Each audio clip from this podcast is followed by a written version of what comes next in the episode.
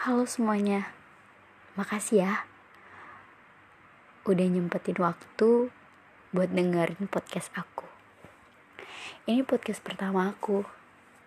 Aku buat jam 12.42 malam dini hari ya. Sebenarnya dari dulu pengen buat podcast, cuman nggak tahu harus buat apa, harus ngomong apa.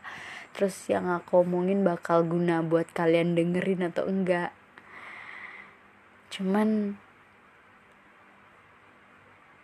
uh,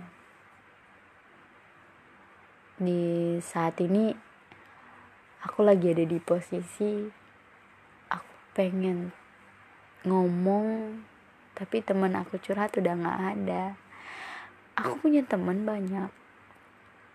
Cuman yang selalu jadi tempat selalu jadi rumah buat aku curhat itu ya pasangan aku. Tapi sekarang dia udah gak ada. Dia udah sama kehidupannya dia sendiri. Nggak tahu ya. Malam itu rasanya kayak kosong aja ada suatu ada rasa yang lega lah. Udah lepas dari ikatan yang sebenarnya sedikit toksik cuman kebiasaan buat telepon kebiasaan buat chat itu yang bikin semuanya kerasa banget ya. Aku pernah baca seseorang nulis kayak gini kalau kamu kangen sama seseorang yang udah bukan milik kamu ya udah nggak apa-apa. Kalau kamu pengen nelpon telepon aja. Telepon sampai kamu ngedenger jawaban yang buruk dari dia sampai kamu benci sama dia. Dan malam ini saya melakukan itu. Um, udah lama ya nahan buat nggak chat dia ngehubungin dia tahu diri lah sadar posisi juga. Tapi malam ini aku nggak kuat. Aku telepon ya saya kecewa. Ya jelas lah orang bukan pacarnya. Cuman keinget aja dulu jam berapapun di telepon dia selalu bilang kamu nggak tidur sayang. Kamu kenapa are you okay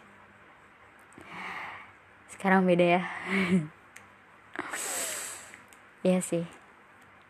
Semuanya tuh bisa berubah cepet banget. Cepet banget. Kadang sesuatu itu pergi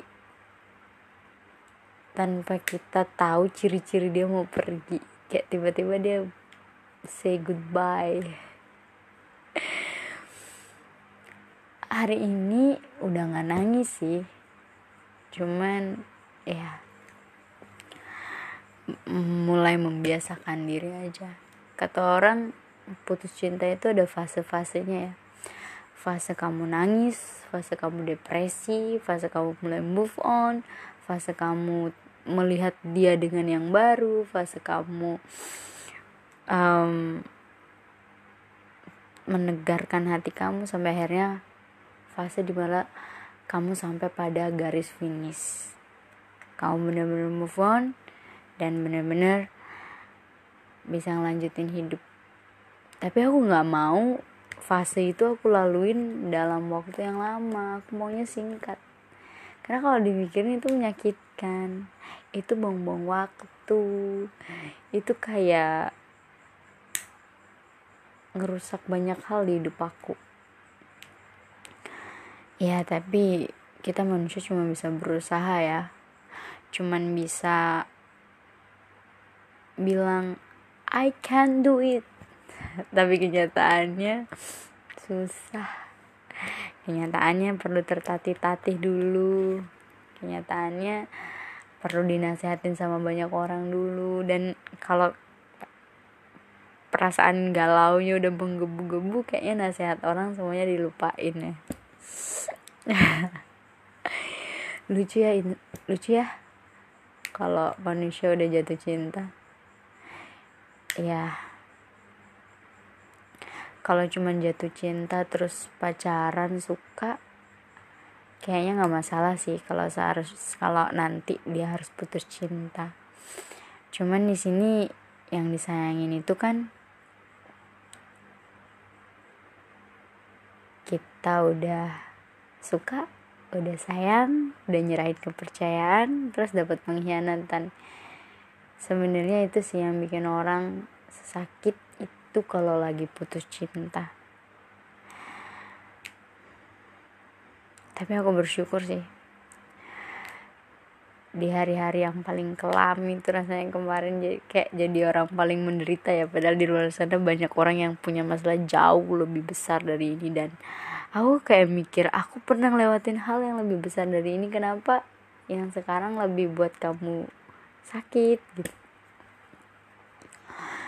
Ya karena aku selalu berpikir dunia boleh menyakiti saya dunia boleh membuang saya dunia boleh mengkhianati saya dunia boleh mencaci saya silakan. Dunia boleh membuat saya menangis. Yang penting saya punya Tuhan dan saya punya dia tapi ternyata sekarang dunia tidak membenci saya dunia tidak menghakimi saya dunia tidak menyakiti saya tidak membuat saya menangis tapi dia dia yang sekarang membuat saya menangis. So I lose my home. Homeless ya. Nggak tahu deh. Pokoknya itu. Tapi yang paling aku takutin di fase ini adalah ketika aku sudah move on ketika aku sudah berlapang dada dia kembali terus dia ngajak kita balik. Aku hanya takut aku terlena dan aku mau mengulang sesuatu yang udah aku tahu endingnya bakal sakit. Endingnya bakal ada pengkhianatan. Karena perselingkuhan itu kan dilakukan secara sadar ya.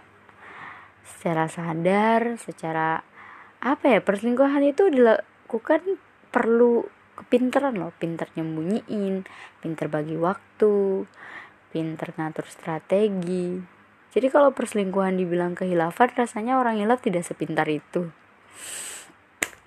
Ya. Kayaknya kalau seseorang udah punya riwayat selingkuh, kalau nggak tobat banget banget banget banget, rasanya bakal ngulang lagi deh. Kenapa sih? Orang itu jahat? Aku dulu mi, aku kemarin mikirnya kayak atau aku ya yang banyak kurang? Atau aku ya yang kurang care sama dia? Aku selalu nyal nyalahin diri aku. Ternyata enggak. Aku punya value yang lebih kok. Untuk dia untuk dia tetap stay sama aku. Maksudnya dia stay sama aku dia nggak rugi kita saling menguntungkan. Cuman ya kadang seseorang itu lebih baik meninggalkan 98% hal yang dia punya demi 2 persen 2 persen yang belum dia milikin gitu. Aku juga nggak ngerti itu gimana konsepnya. Cuman ya ya gitu deh. Podcastnya nggak jelas ya. Karena aku bingung harus cerita sama siapa. Jam segini semuanya udah tidur. Hah tapi nggak apa-apa. Ini tuh jadi pembelajaran buat aku. Kalau sebenarnya komitmen itu dilakukan kalau emang kamu dalam waktu dekat akan menikah bukan ini yang aku dapat ya. Bukan komitmen itu nggak dilakukan pas oke okay, kita pacaran kemudian lima tahun lagi deh kita nikah sekarang kita kejar cita-cita tapi kita bareng. Komitmen salah. Ternyata kita selesaikan apa yang belum kita selesaikan di diri masing-masing habis itu kita ketemu kita komitmen kita menikah. Ternyata itu urutan yang bener kayak ya aku nggak nggak nyalahin yang lain ya. Mungkin orang di luar sana banyak yang beruntung mereka berjuang bersama-sama dengan pasangan dan akhirnya mereka berhasil. Aku keren banget. Cuman yang aku dapat kayaknya aku komitnya pas sudah selesai sama urusanku sendiri aja deh. Gitu. Thank you ya udah dengerin. Bye bye sampai ketemu nanti